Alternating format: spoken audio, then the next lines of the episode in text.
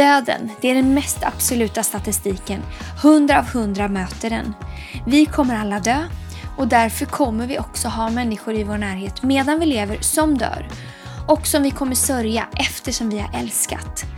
Kärleken är det som gör att vi sörjer, men samtidigt också det som gör att vi orkar ta oss framåt när någon vi älskat har dött. Det här poddavsnittet är för dig som har förlorat någon som du älskar. Det är för dig som vill stötta någon i din närhet som går igenom sorg. Eller kanske helt enkelt för dig som liksom jag någon gång kommer dö. Det här är Sisterhood-podden, Kärleken och döden.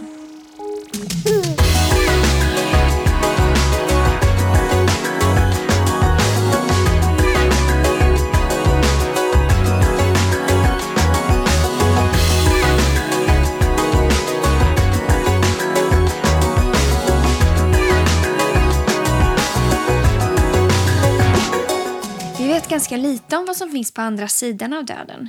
Även Bibeln säger rätt lite om det faktiskt. Bibeln talar om himlen, en plats där inga sjukdomar eller smärta eller sorg finns.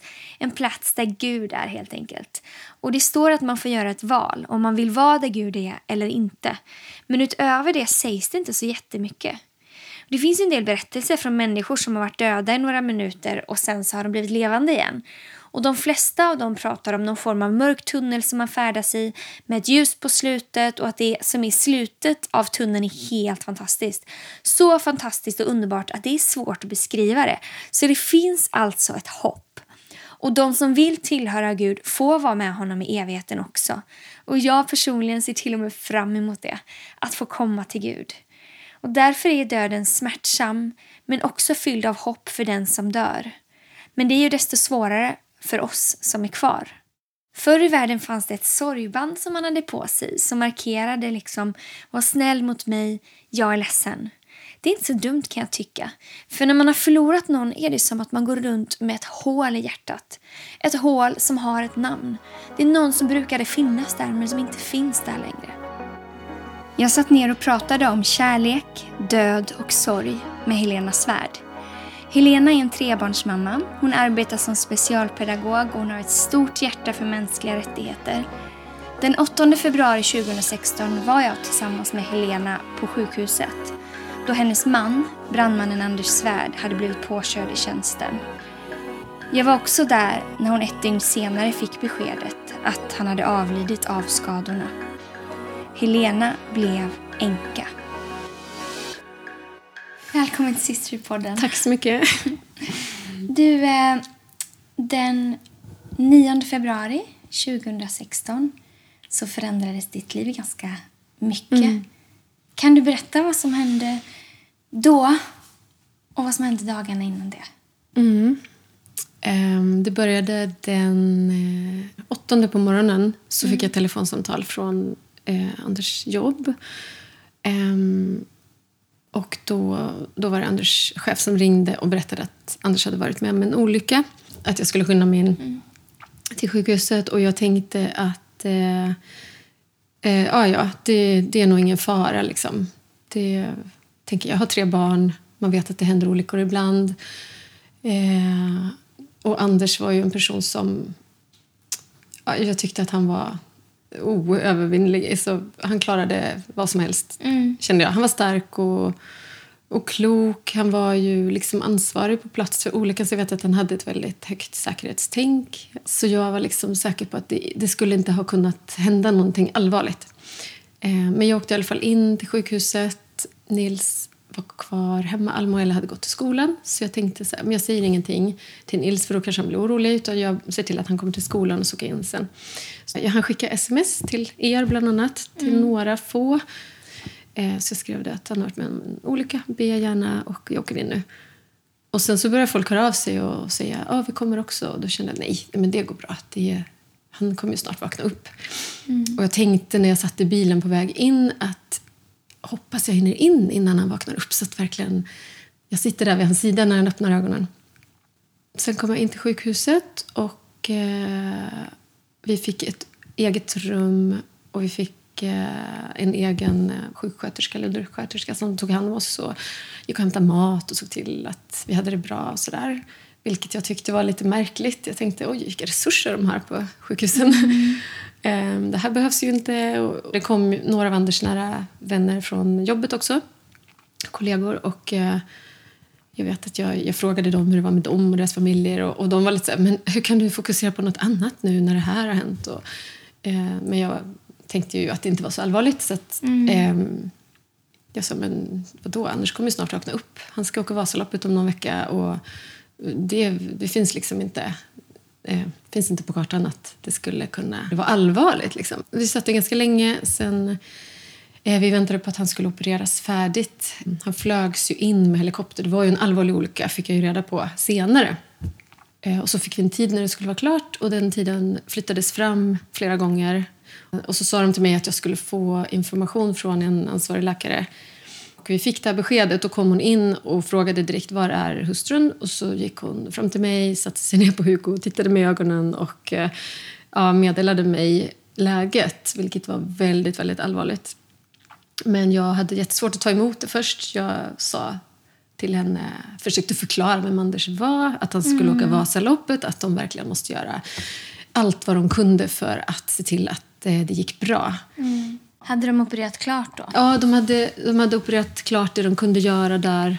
Sen så skulle de då rådfråga lite experter om vad de kunde göra mer. Jag tror att hon sa att det redan då fanns några som trodde att det inte finns något man kan göra mer. För sa att det var så allvarligt. Jag kommer inte ihåg exakt när, om det var det första hon sa. Mm. Men, men för mig var det så, men jag kan inte bara sitta där och acceptera att att, Nej, att, min man, att de inte kan göra något. Liksom. Hon sa i alla fall till mig men vi gör vad vi kan och vi ska rådfråga de bästa och ta hit de bästa läkarna. Och, och så sa hon att om det här går bra så kommer vi ändå behöva ha Anders nedsövd, djupt nedsövd i en vecka. Och då kände jag bara, va? Det var liksom... Jag tänkte ju att han kanske kunde åkt med mig hem samma dag. Ah. Och först så började, alltså inte efter hon hade berättat hur allvarligt det var, men, men innan det tänkte jag, eh, jag började kunna tänka så kanske är så att han måste stanna här i natt. Han kanske inte kommer hem förrän imorgon. Och, eh, och så sa de ju till mig att eh, jag skulle ta dit barnen.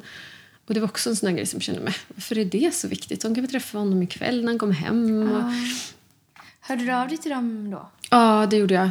Och grejen var att de var i skolan. Och, eh, så jag fick ju tag på deras eh, lärare. Så de fick ju meddela pappa har blivit påkörd och är på sjukhuset. Och, och då var det en person då som hämtade barnen och följde dem hem. Och så var det en svåger till mig som åkte hem och hämtade barnen och kom tillbaka till sjukhuset. Och då när de kom in, de var ju lite oroliga sådär. Och, ja, men då försökte jag lugna dem och jag sa att men vi ber för pappa och det här kommer att gå bra. Så jag var ju full av tro, verkligen. Full mm. av hopp och försökt liksom få alla att, tro också. Och, och någonstans så kände jag att jag tyckte var, jag tänkte att det var viktigt att alla höll hoppet uppe. För att eh, ja, jag tänkte väl att det hjälpte på något sätt. Jag ville inte att någon skulle tappa hoppet. Jag ville att alla skulle tro.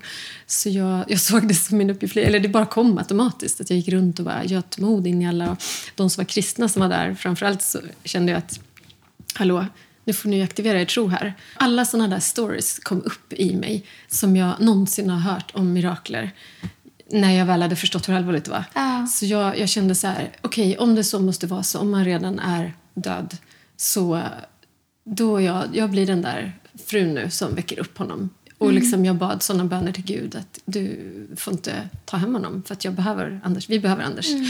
Och liksom, det här var kanske senare, dagen efter. Ursäkta, det är lite rörigt i det är vad som hände det när. Det är klart att det är. Ja.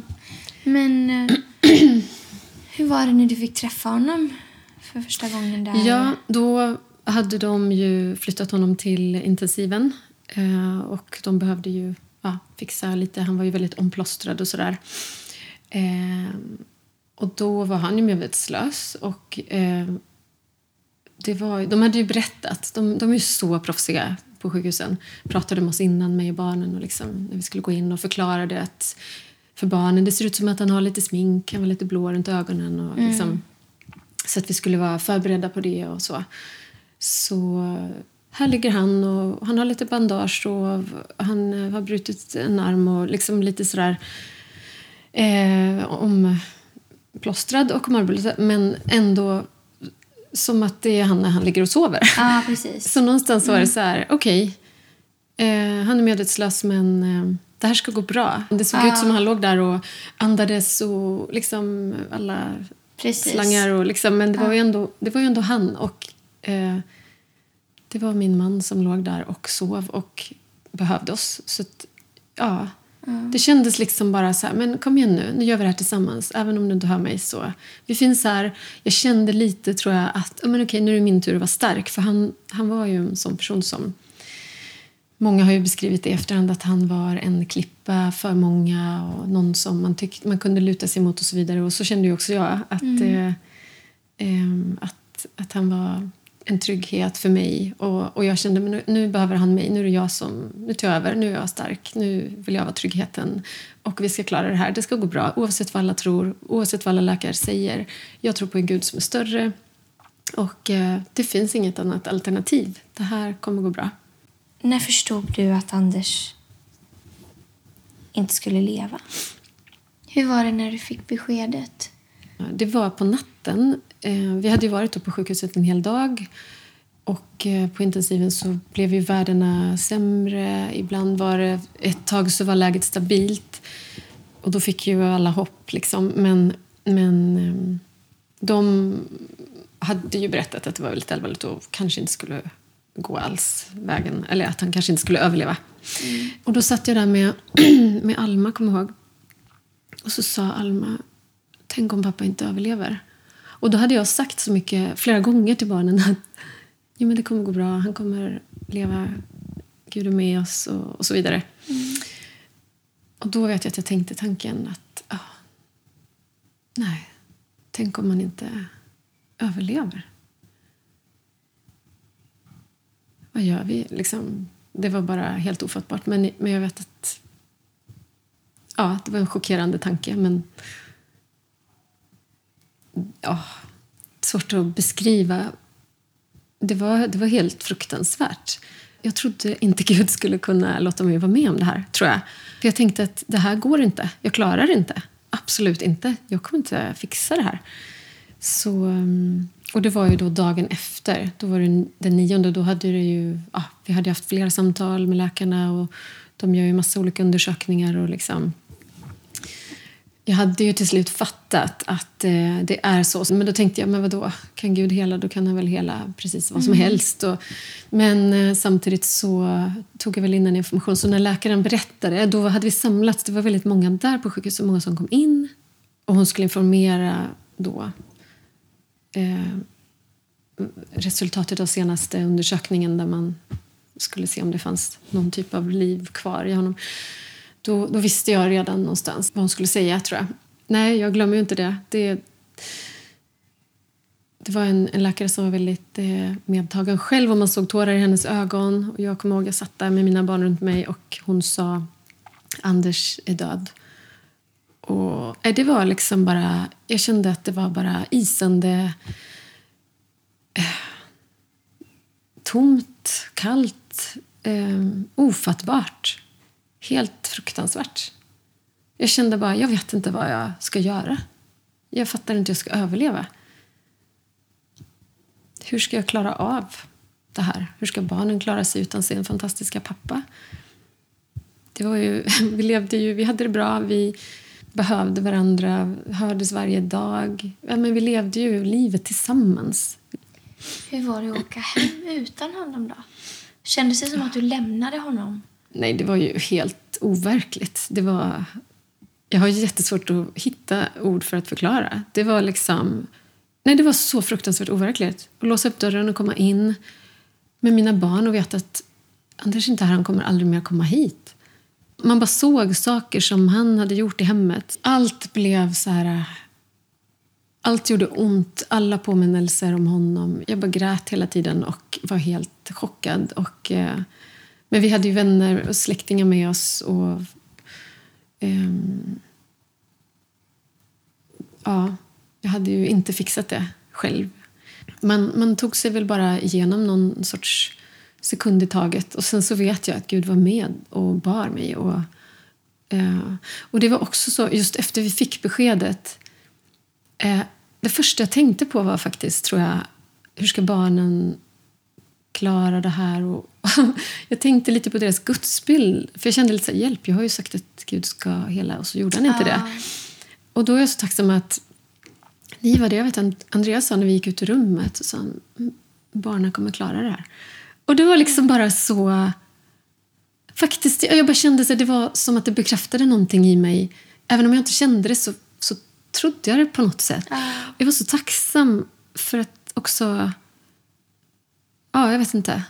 Det stärkte mig på något sätt och någonstans så kände jag att Gud var med och att Gud tog över och liksom...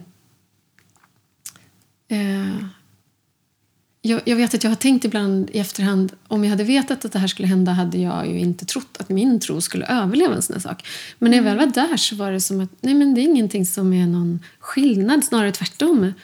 När jag behöver Gud som mest så kan jag väl inte överge honom och min tro. Och för att det, det var det som bar mig. Jag hade aldrig fixat det. Jag fattar inte hur folk kan gå igenom sorger utan Gud, utan en tro. Men Utan- påverkar inte din tro? Du, trodde ju så, du var ju så övertygad om att Gud skulle hela Anders först. Att det här ska liksom... Mm. Ja. Det har hänt mirakel och du har talas om det och så. Och så, så hände inte miraklet på det sättet som du... Som du ville. Eller det var ju som du sa, bara helt isande. Mm. Kallt och tomt. Och Ja, men påverkades inte din... Nej, och jag har tänkt mycket på det i efterhand. Jag har tänkt på de liv vi har levt, att vi under faktiskt många år har... Jag tänker så att det står ju att tro kommer av predikan och predikan i kraft av Kristi ord står det någonstans. Och att vi har liksom under så många år matat oss. Jag har matat mig med Guds ord, jag har levt i lov. Så jag tror faktiskt att det är en... Att det har gjort, liksom byggt någonting i mig av att Guds ord har liksom fått djupt fäste i mig och förankrats i mitt hjärta så starkt under många år. Att vi har liksom...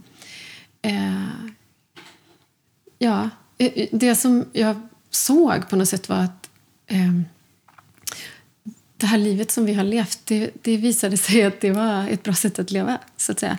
Att det, det var det som räddade oss. Liksom. Och, och liksom, nej, det som hände med min tro var att den blev eh, bekräftad snarare. Det jag har trott på. Jag, jag kände så här, okej, men det jag har trott på eh, det visar sig att det håller. Det bär. Ja. Jag tänkte, vet jag, att okej, men om det här nu har hänt, då har Gud en lösning här.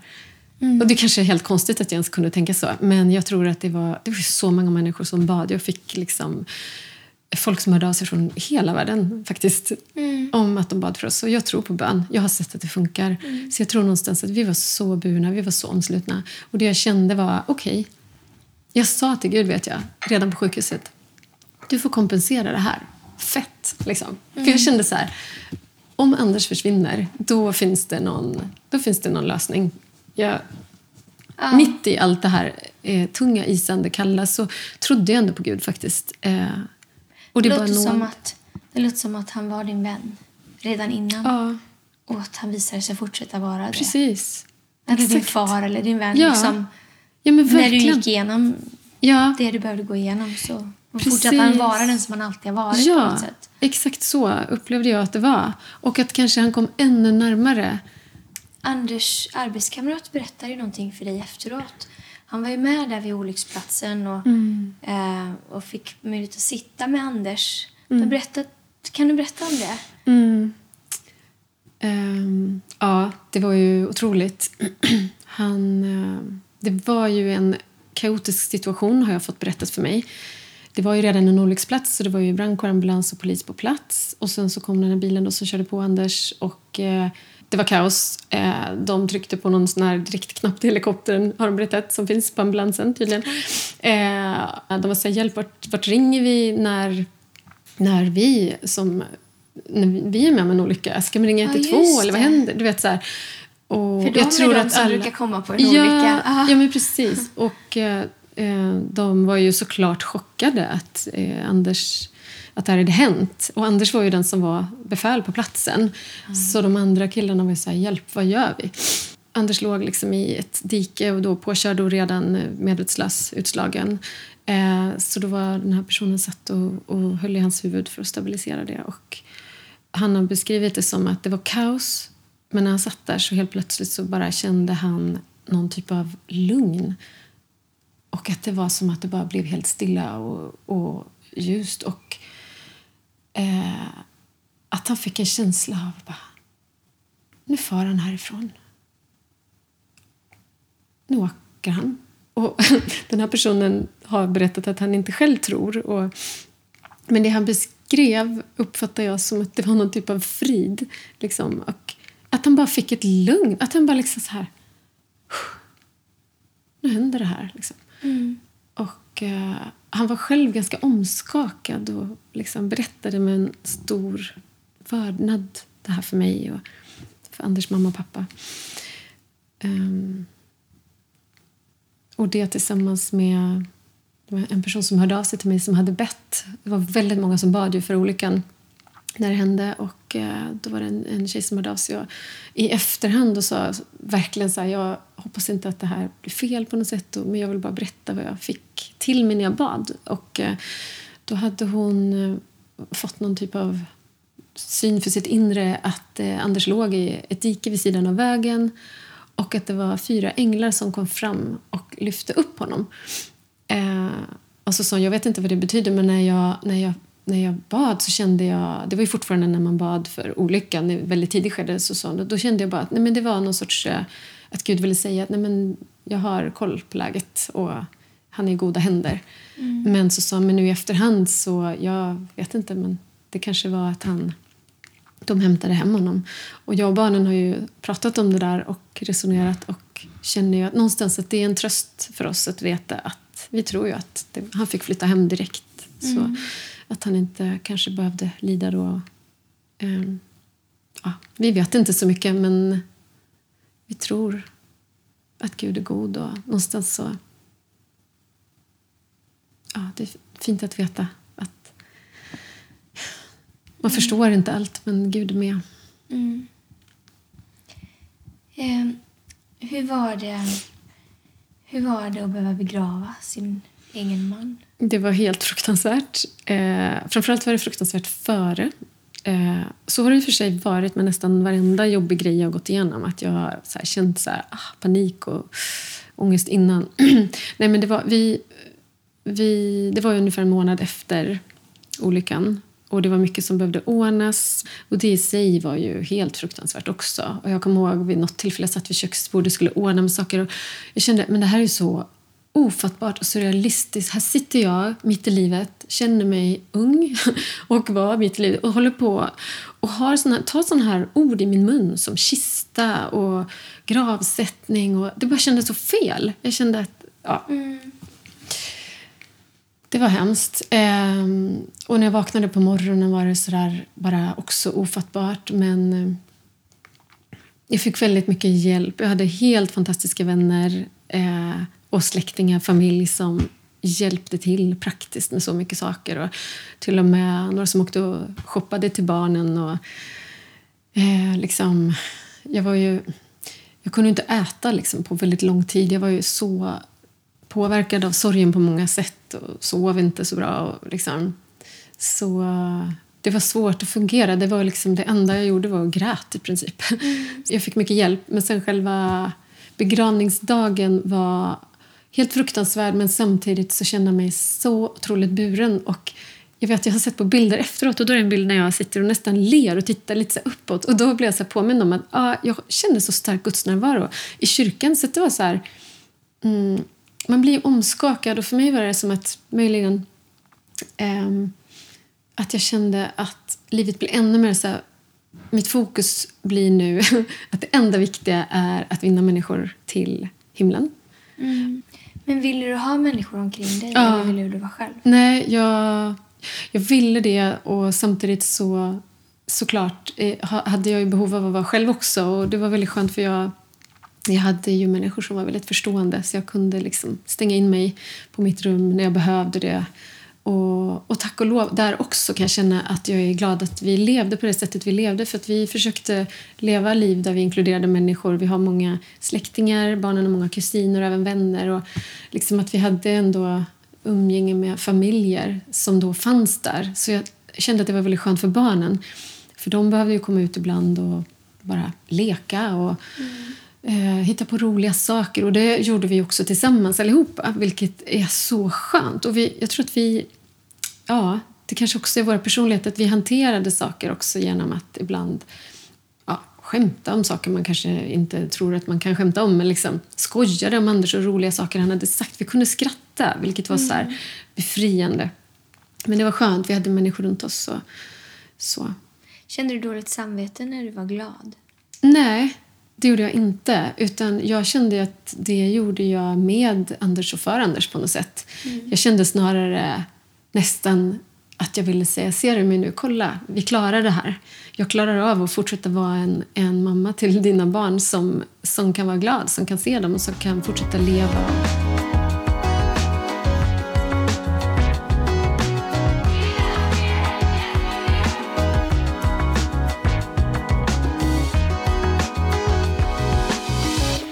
Och den kliniska beskrivningen på sorg är att det är en reaktion på en förlust. Och den här reaktionen innehåller känslor, som till exempel att vara ledsen. Men sorg kan yttra sig på massor med olika sätt. Många reagerar med tårar såklart. Och det kan kännas som att allt stannar upp eller som man går omkring i någon form av gröt. Eller som att allt går väldigt långsamt. Man kan också reagera med vrede och ilska. En del vänder sig inåt mot sig själv.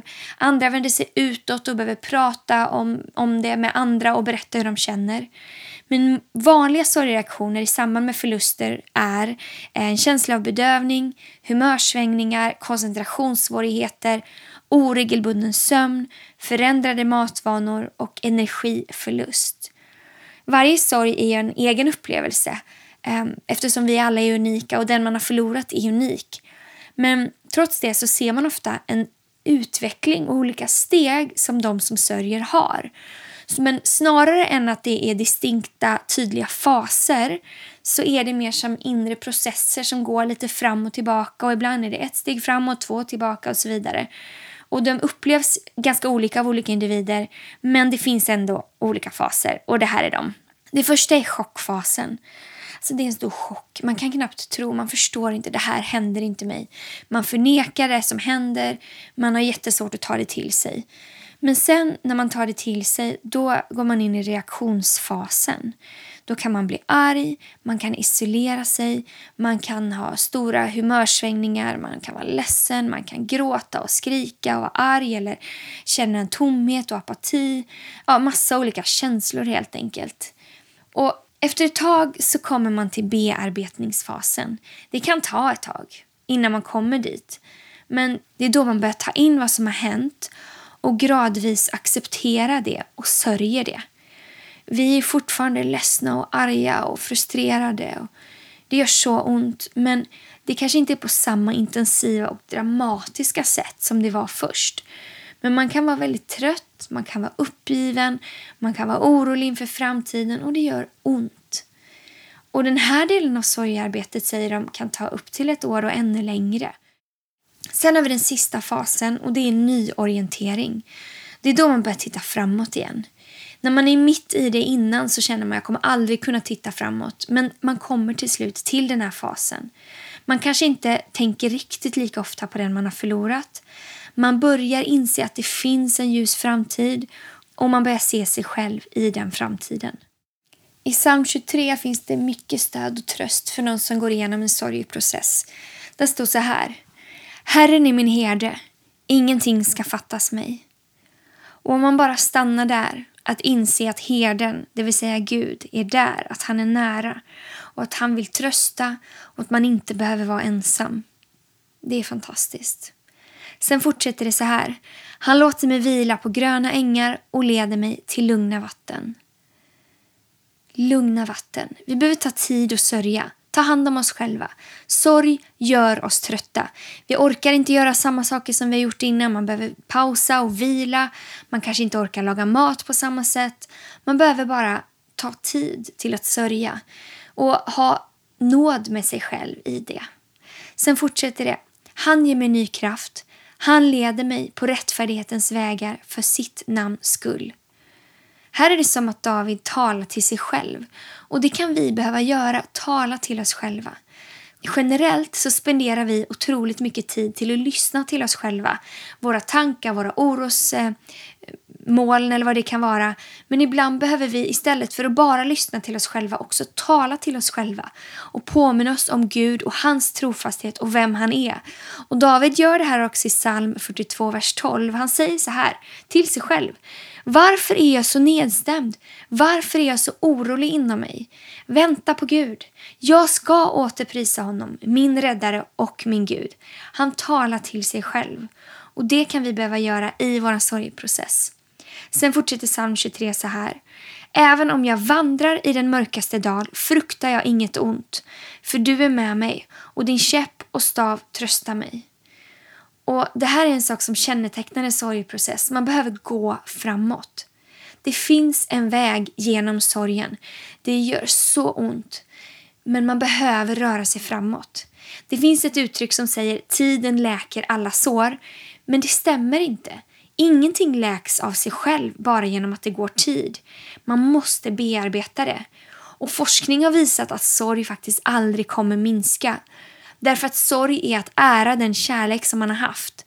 Men det som händer om man orkar gå igenom sorgprocessen är att man växer och blir större. Och på så sätt så tar sorgen inte lika stor plats längre. Och i takt med att man blir större och växer så lyckas man med sin ökade kapacitet att leva utan den andra. Så det behöver inte gå fort, men du behöver fortsätta framåt. Och det här är ju supersvårt eftersom det kanske känns som att man ska dö, så ont gör det. Och i hjärnan finns det massa minnen och känslor till den här personen som man saknar. Och nu finns den här personen inte där. Så att fortsätta ta sig framåt, då behöver man bearbeta det. Man behöver erkänna de svåra känslorna och smärtan och sorgen. De finns där och det hjälper inte att man låtsas som att de inte finns där. Och det blir bara värre och skapar mer smärta om man försöker trycka ner dem.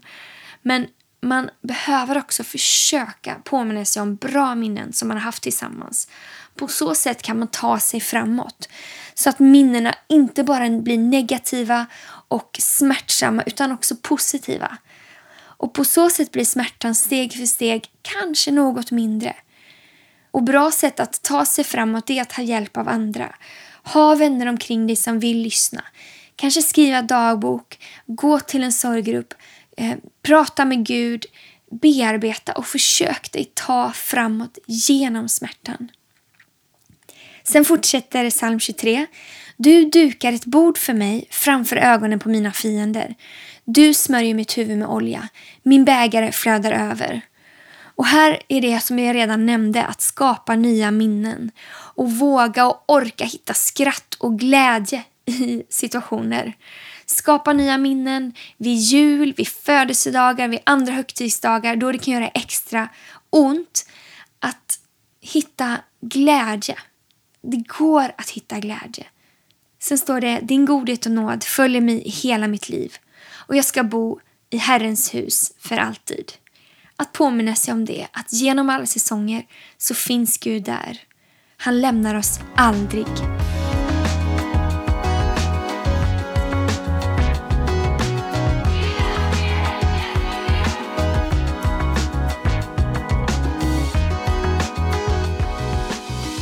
Du någonting avsiktligt för att ta dig framåt i din sorg? Mm. Eller lät du det bara gå? Förstår du vad jag menar? Ja. Liksom. Um, ja, det gjorde jag. Uh, jag är väldigt tacksam för att vi fick råd. Redan på sjukhuset så kom personal och berättade. Uh, de sa till exempel till mig och barnen uh, att eh, reagera hur ni vill. Allt är okej i sorg. Man reagerar olika. Gråt, skratta, ha kul. Man kan vara arg. Ni får vara arg på pappa, ni får vara arg på Gud. Och liksom, jag, jag är så tacksam för att, folk, att de där orden sades. För att, mm. Just för att jag inte visste någonting om sorg egentligen. Eh, och sen så blev jag tipsad om olika organisationer som, där det finns sorggrupper. Ja, vi gick i en sorggrupp i Svenska kyrkan där vi fick träffa en annan familj som Eh, det var en pappa och två eh, barn. De hade förlorat sin mamma. Eh, ungefär samtidigt i tid. Uh, och Då var vi och en präst och två diakoner. Och, och, Då var det liksom ett program som eh, där eh, man pratade om olika, hade ett tema för varje gång. Det var så fantastiskt eh, bra, både för mig och barnen. Och eh, Vi har ju kontakt med den familjen än idag. Och, det är fantastiskt att få kunna prata med någon som verkligen förstår. För jag tror att det är svårt att förstå precis eh, saker man möter och går igenom om man inte verkligen har upplevt det. Ja, jag hade inte kunnat förstå det om jag inte hade upplevt det. Um, och för barnen tror jag att det var väldigt bra att bara se att det finns andra barn som har varit med om samma sak. De pratade inte så mycket om sorgen och det gör de inte, tror jag, alls när de ses. Men jag tror någonstans att bara veta, liksom, man har någon sorts tyst överenskommelse att okej, okay, vi vet, vi förstår. Mm. Och det tror jag är väldigt, väldigt bra. Det skulle jag vilja rekommendera alla som går igenom något liknande. Att försöka hitta andra människor som går igenom samma sak. Mm. Men hur var det? Vet, du vet att du har berättat att, och jag var ju med också, det var väldigt många som slöt upp när det, precis när det hade hänt och tiden efter och begravning kom mm. jättemycket och sådär. Men när tiden gick lite sen, mm. vad hände då? Liksom, tänkte folk, tror du, att, du hade kom, att nu hade du sörjt klart? Mm. Kände du att det förväntades det av dig? Mm. Eller förstår du vad jag ja, menar? Ja, jag förstår precis. Ja, jag har haft de tankarna i perioder.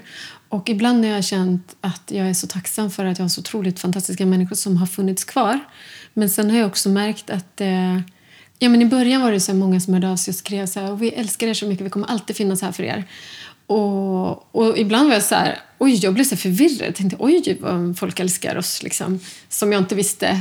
Folk som man kanske inte var jättenära. Och liksom, ja, ah. det var ju fint. Oj, tack för att ni kommer finnas här för oss alltid. Sen så har jag märkt att eh, nej, folk finns inte på samma sätt. Eh, och det hade varit konstigt kanske om, om de hade gjort det. Och, och jag tänker att det var ett uttryck för att de var deltagande i sorgen och ville så gärna hjälpa till. Liksom. Så att, eh, men absolut, jag vet en grej som jag var lite... Jag tänkte så kommer livet förändras nu? För jag, jag har liksom levt lite så familjebubblan också, om du förstår vad jag menar. Mm. Så man umgås med andra familjer, kärnfamiljer, man har barn i samma åldrar och det är så trevligt och mysigt och allting. Jag liksom har ju ändå känt en del som lever på ett annat sätt, kanske singelhushåll och sådär och jag har förstått att det Många upplever att det är jobbigt, att man kanske inte blir bjuden på grillkvällar. Och liksom, så tänkte jag så här, kommer det där bli mitt liv nu? Kommer jag drabbas av det? Men, men så det var jag väl lite rädd för. Och vid något tillfälle har jag kanske sett, ja men det var till exempel vi, eh, jag tänkte så här, okej, okay, jag vill fortsätta leva det liv jag har gjort. Det krävs kanske mer av mig nu. Eh, men jag måste också vara den som bjuder hem familjer då. Och inte bara sitter och väntar på att ja, Förstår du? Man vill inte heller vara något offer. Mm. Så det var något tillfälle när jag snackade med någon familj eh, ja, som vi inte kanske brukar umgås jättemycket med så, men barnen kopplade så här. Så snackade jag först med mamman och eh, bestämde att de skulle komma hem till oss några dagar. Eller vi ja, snackade om det. Och sen så såg jag pappan och så sa jag, ah, men jag pratar med din fru och ah, vi ska ses några dagar. Och då sa han, ah, men jaha, du menar ju hon, alltså mamman då och, och barnen eller? Eller för jag ska väl inte följa med? Och liksom, då tänkte jag så här, varför tänker jag så? Aha, nej, för då tänker jag nej, nu är jag själv och då är det bara mammor som träffas. Ah. Så, och det har jag inte mött så många gånger. Tack och lov har jag fantastiska människor och vänner som, ja, men som vi verkligen redan känner som också var god vän med Anders och det blir naturligt att vi fortsätter umgås. Men vid några få tillfällen har jag märkt att ja, men det här tänket finns. Liksom. Och då kan det såklart göra liksom, att man blir lite så här, rädd för att aha, ser människor annorlunda på mig för att min man dog? Eller liksom, är jag inte lika bekväm att umgås med? Eller, men jag tänker att det handlar ju om deras obekvämlighet, tror jag. Att, mm. Och precis som jag nog tänkte så tidigare, och jag kan skämmas för det, att jag trodde att ja, men singlar vill umgås med singlar. Men så känner i alla fall inte jag. Och jag tror inte att... Jag ser mig som familj. Alltså det är ju ingen skillnad på mig. Jag är ju ingen annorlunda. För att jag, förstår du? Ja, men, samma person. Ja. ja. Tror du... Eh, sörjer man någonsin färdigt? Det där eh, tror jag att man skulle kunna få olika svar på. För Jag vet att många har sagt till mig att sorgen kommer man leva med hela livet, man sörjer aldrig färdigt. Jag har verkligen upplevt att Gud har helat mitt hjärta från sorgen. Liksom. Men sen, alltså, det man har gått igenom finns ju alltid med. Och, eh, ja, men jag tänker liksom att varje gång barnen fyller år eller tar studenten eller vad det kommer bli framöver så kommer man ju kanske bli påmind om att deras pappa inte är här. Själva sorgen, det här tunga sorgearbetet. Jag är inte i det längre faktiskt. Om du skulle ge ett råd till dig själv för fem år sedan, vad skulle du säga då? Mm, jag skulle nog faktiskt säga att fortsätt eh, leva som du gör. Mm. Jag tror på eh, kyrkan. Jag tror på att, att engagera sig i kyrkan. Vi, eh, vi prioriterade tid med familjen. Vi älskade varandra. Vi var inte perfekta. Vi hade inget perfekt äktenskap eller perfekt familj. Nej, men just det här eh, att, att ha relationer med, med släktingar och familj. Att eh, inkludera människor i sitt liv. Mm. Att, eh, att finnas för andra. Eh, jag tror att det är ett sätt som är väldigt bra. Att, jag, jag tänker att det finns ett beskydd i att man inte är så självfokuserad utan att man, eh, man vill eh, leva ett, ett liv att hjälpa andra människor och försöka i det man kan. Liksom. Det behöver inte vara något storslaget men, men att man har sitt fokus på någonting annat än sig själv. just. Hur ser du på framtiden? Nu? Ja, jag tror på en framtid. Jag tror på en fantastisk framtid. Och eh, Det har jag faktiskt gjort på ett sätt hela tiden. Sen så kommer man kanske mer och mer in i det. För man kommer ju mer och mer till framtiden. Hur ser du på att leva med en annan man än Anders? Det känns inte som något främmande. Utan jag tror att Anders hade velat det. Eh, och jag har ibland försökt tänka mig in i om det var jag som var i himlen och såg, om man nu ser, Anders och barnen själv. Jag skulle ju, mitt hjärta skulle gå sönder. Jag skulle ju vilja att han träffade någon, en fin person som kunde liksom finnas där också för barnen. Och eh, Jag tror att det finns en fantastisk framtid. Och på grund av att Gud är Gud så tror jag att han kan göra någonting som är så mycket bättre än vad vi ens kan drömma om och hoppas. Jag tänker att det kommer en, en ny säsong med eh, bara massa härligt. Jag tror verkligen det. Tack. Tack själv.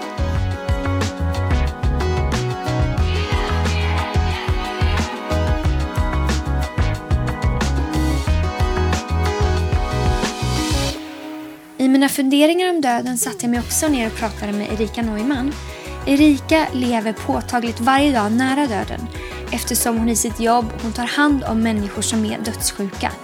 Och det är människor som sjukvården har gjort allt de kan för att de ska bli friska men att det nu inte finns något annat kvar att göra än att göra den sista tiden så bra som möjligt. Så hon träffar de här personerna men också deras eh, familjemedlemmar, alltså människor som lever i sorg. Har du varit med själv flera gånger eller någon gång när någon har tagit sitt sista andetag? Det är ju en, en, en del av mitt jobb så ärligt talat så är det ju flera hundra gånger. Hur är det? Det finns, det finns en grunddel i det eh, som är det här mysteriet med att någon faktiskt bara andas ut och så är det över och färdigt och livet här är slut. Och det är, det är liksom ofattbart. Man, det, är lik, det händer någonting i rummet som eh, inte riktigt går att förklara. Eh, som är kopplat till att man aldrig mera ska göra någonting här i det här livet. Och sen är ju vad som händer runt omkring det i familjen och de som är kvar, det varierar ju. Alltifrån att man är lättad, att det svåra är över och att lidandet är över och vad skönt att det har tagit slut. Eh, och så blandas det med den djupaste förtvivlan över att det som motsatser pågår. Man är både lättad och man är otroligt ledsen. Hur är det att jobba på en arbetsplats där döden hela tiden är så närvarande? Eller är den det? Det, är mer, det handlar mer om livet. Därför du kan, inte, du kan, antingen är du levande eller så är du död. Och de människorna som inte har dött, de är levande. Och det går ut på att, att få leva. De allra flesta eh, anpassar ju sitt liv så att man lever. Och eh, det här med att förbereda sig för att man ska dö och det gör man lite portionsvis. Och gör man inte det, då, då börjar man må jättedåligt. Då orkar man nästan inte leva. Och börjar man säga att det finns ingen mening med att leva när livet ser ut så här, då är det ett tecken till oss på att den här människan håller på att dö. För utan mening kan du inte leva. Wow. Mm. Sörjer du när dina patienter dör? Om man ska vara noggrann med på definitionen vad sorg är så innehåller sorgen tre delar. Det ena är en känslodel och den är universal över hela världen. Alla människor får ungefär samma känslor. Men sen kommer det en reaktion och den varierar. Den varierar från kultur, vad du har varit med om i livet, vad du har för personlighet, tidigare erfarenheter och det är jättekomplext. Och sen finns den tredje delen och det är det som man kallar för anpassningen till att man ska lära sig att leva utan den som har dött. Och det är en jättelång resa. Man brukar ju säga att det är en process och, och det är det. Det, är liksom, det går inte, om du stannar upp här, precis som allt annat i, i, i livet och som Bibeln lär oss också, att bosätt dig inte i öknen, gå genom dödsskuggans dal. Du måste vara i rörelse om du ska kunna komma till den punkten att du faktiskt klarar av att leva utan den du har förlorat. Så om man tittar på alla de tre delarna så sörjer inte jag mina patienter för jag behöver inte lära mig att leva utan dem. Eh, Men däremot så får jag känslor eh, det- som, som eh, liknar dem vid sorg. Att man kan bli ledsen, man kan bli undrande, eh, man kan börja bli rädd för egen del. Tänk om det vore jag, tänk om det vore mina barn. Just nu vårdar jag två patienter som är i samma ålder som mina barn är. Det är klart att då, då känns det på ett annat sätt. Så är det. Och eh, det man lär sig när man gör det här och som man måste förstå det är ju att det som händer nu, det händer den här familjen. Det händer inte mig. Och det är jätteviktigt för annars går man sönder. Det är klart att man blir påverkad av att varje dag möta lidande och död och sorg och förtvivlan och allting. Det gör någonting med mig. Och, men när jag förstår att det är okej att vara där men att sen gå därifrån och göra ett vanligt liv, det är att hedra dem som faktiskt inte kan det. Om jag går hem och lever ett begränsat liv, nej, nej det, de har det så jobbigt och hur ska det gå där? Och här sitter jag och äter spagetti och köttfärssås och tycker det är gott, det är ju för hemskt, vad är jag för människa? Det går inte. Utan jag måste ju leva fullt ut. För det är inte min tur och inte min familjs tur just nu. Jag antar att du möter en hel del eh, familj också till Mm. människor som är döende. Då. Hur är det? Hur verkar det vara att leva med någon som ska dö? Man kan säga att sorgen börjar när man får diagnosbeskedet.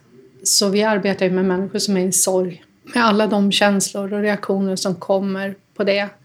Samtidigt som man ska försöka bibehålla någon form av hopp om att det ska gå bra. Eh, och eh, man ska förhålla sig till när nu den jag älskar och lever med är så här sjuk och inte kan gå på bio, får jag gå på bio då? Eh, han kan inte träna, får jag träna? Nu kommer sommaren och vi brukar alltid åka iväg. Han kan inte åka iväg, får jag och barnen åka då och lämna honom hemma? Det är svårt. Eh, En, känsla, en känsla av att man att man själv kanske inte har tillåtelse att leva då. Exakt. För att den andra personen inte kan göra det fullt ut. Exakt. Att man blir man, man, man nästan blir frihetsberövad med, ett, med en moralisk osynlig mur som hindrar mig från att jag visst, jag skulle ju kunna gå ut men jag kan inte med att gå ut och vad är jag för människa om jag, om jag gör det här? Men eh, min erfarenhet är att den som är svårt sjuk och döende också bär på mycket eh, vad ska man säga, tyngd och eh, skam ibland och skuld, eller skuld skulle jag säga mera, över vad man utsätter sin familj för. Så de allra flesta kan uppskatta att få vara eh, en kärleksfull pappa och make och säga åk iväg ni. Ha det så bra. Eh, så, så kan den personen få känna att den får ge tillbaka någonting till sin familj. Precis, och inte bara tillföra, inte bara ge smärta och sorg. Nej, och inte bara vara den som tar och behöver. För att känna att man har mening med livet så säger man att för att livet ska me- vara meningsfullt så behöver jag få ta emot. Men jag behöver också få ge, vara utgivande. Och jag behöver kunna säga att ja, men det är tur att det är jag som är sjuk i alla fall och inte hon, för då. Det är de tre benen som mening står på. Så om de här människorna alltid bara ska vara mottagare och aldrig utgivare så tappar de meningen. Mm. Jag läste en bok eh, och där stod det att vi är alla döende. Precis. Det låter ju lite tragiskt. Ja, det låter lite Men att våran kropp, vi är alla... Döden är den ultimata statistik. eh, 100 procent Precis. möter den. 100 procent möter den. Och eh, Socialstyrelsen skrev faktiskt, när, när det var inne och donera, man drog första donationskampanjen, då skrev vår kära Socialstyrelse om jag dör så vill jag donera. Men det är ju inte frågan om om, utan ta tillbaka dem och säga nej, jag dör. Eh, eh, men, men jag ser oss inte som döende, jag ser oss som levande. Och det kan jag säga att människor som möter sin egen död är, är, vill ha sitt vanliga liv, vill ha sin vardag, vill ha sin rutin. Det är det man, man sätter allra, allra högst. Det är inte drömmen om att resa, drömmen om att förverkliga sig själv, drömmen om att göra pengar. Jag har aldrig, aldrig mött en person som säger jag önskar så att jag hade satsat mer på karriären eller på pengarna eller på, på resorna eller vad det är. Utan det är människor för du måste göra räkenskap över ditt liv. Det ingår i döendets psykologi. Du gör det per automatik så börjar du ransaka ditt liv. Och eh, det människor eh, brottas med, gläds åt och brottas mot är sina relationer. Jag antar att man, man inser vad som är viktigt i Ja, livet. det gör man Eftersom verkligen. det ställs på sin spets. Ja. Har du bestämt vad som ska stå på din gravsten? Du, jag har tänkt att inte ha någon. Utan jag har tänkt att eh, ha- vara en sån här allmän urnlund. För, för mig är ju tillståndet död, det är ju liksom... För mig är det sista andetaget. När jag tar, drar mitt sista andetag här så drar jag mitt första i himlen. Så eh, det, det kommer ju bli så magiskt. Eh, och jag tänker att det jag vill är ju att de som är kvar efter lever för de levande och lever för, för sig själva och ser mig som levande fast i himlen.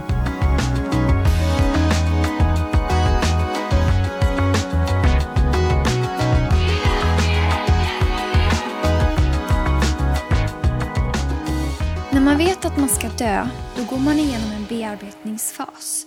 Man reflekterar över sitt liv och man gör på något sätt en sammanfattning.